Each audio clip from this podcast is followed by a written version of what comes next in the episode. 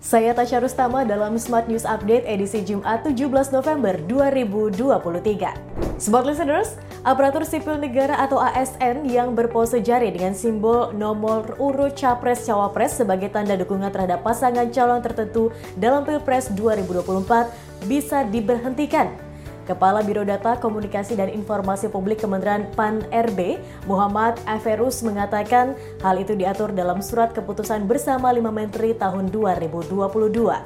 Ia menambahkan, dalam berbagai peraturan ada sanksi jika ASN tidak netral, termasuk dirangkum dalam SKB.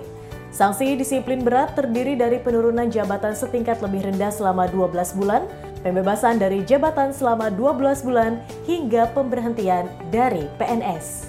Berita selanjutnya, harga rumah tapak terus merangkak naik hingga kuartal 2 2023. Hal ini sebagaimana ditunjukkan oleh data hasil survei harga properti residensial Bank Indonesia.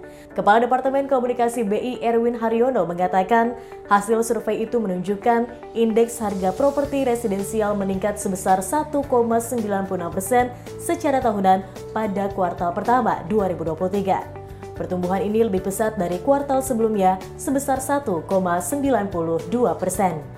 Berita terakhir, Ketua Umum Asosiasi Pengusaha Retail Indonesia Roy Nicholas khawatir aksi boykot produk-produk yang terafiliasi maupun diduga pro-Israel bisa berdampak terhadap pengurangan karyawan atau pemutusan hubungan kerja atau PHK. Menurutnya, aksi boykot bisa menyebabkan penurunan produksi dan penjualan barang. Ia menjelaskan jika boykot terus terjadi, otomatis produk tidak laku di pasaran. Hal ini memicu perusahaan retail juga tidak membeli dari produsen, maka produsen pun akan mengurangi produksinya. Sekian berita hari ini, sampai jumpa dalam Smart News Update edisi berikutnya.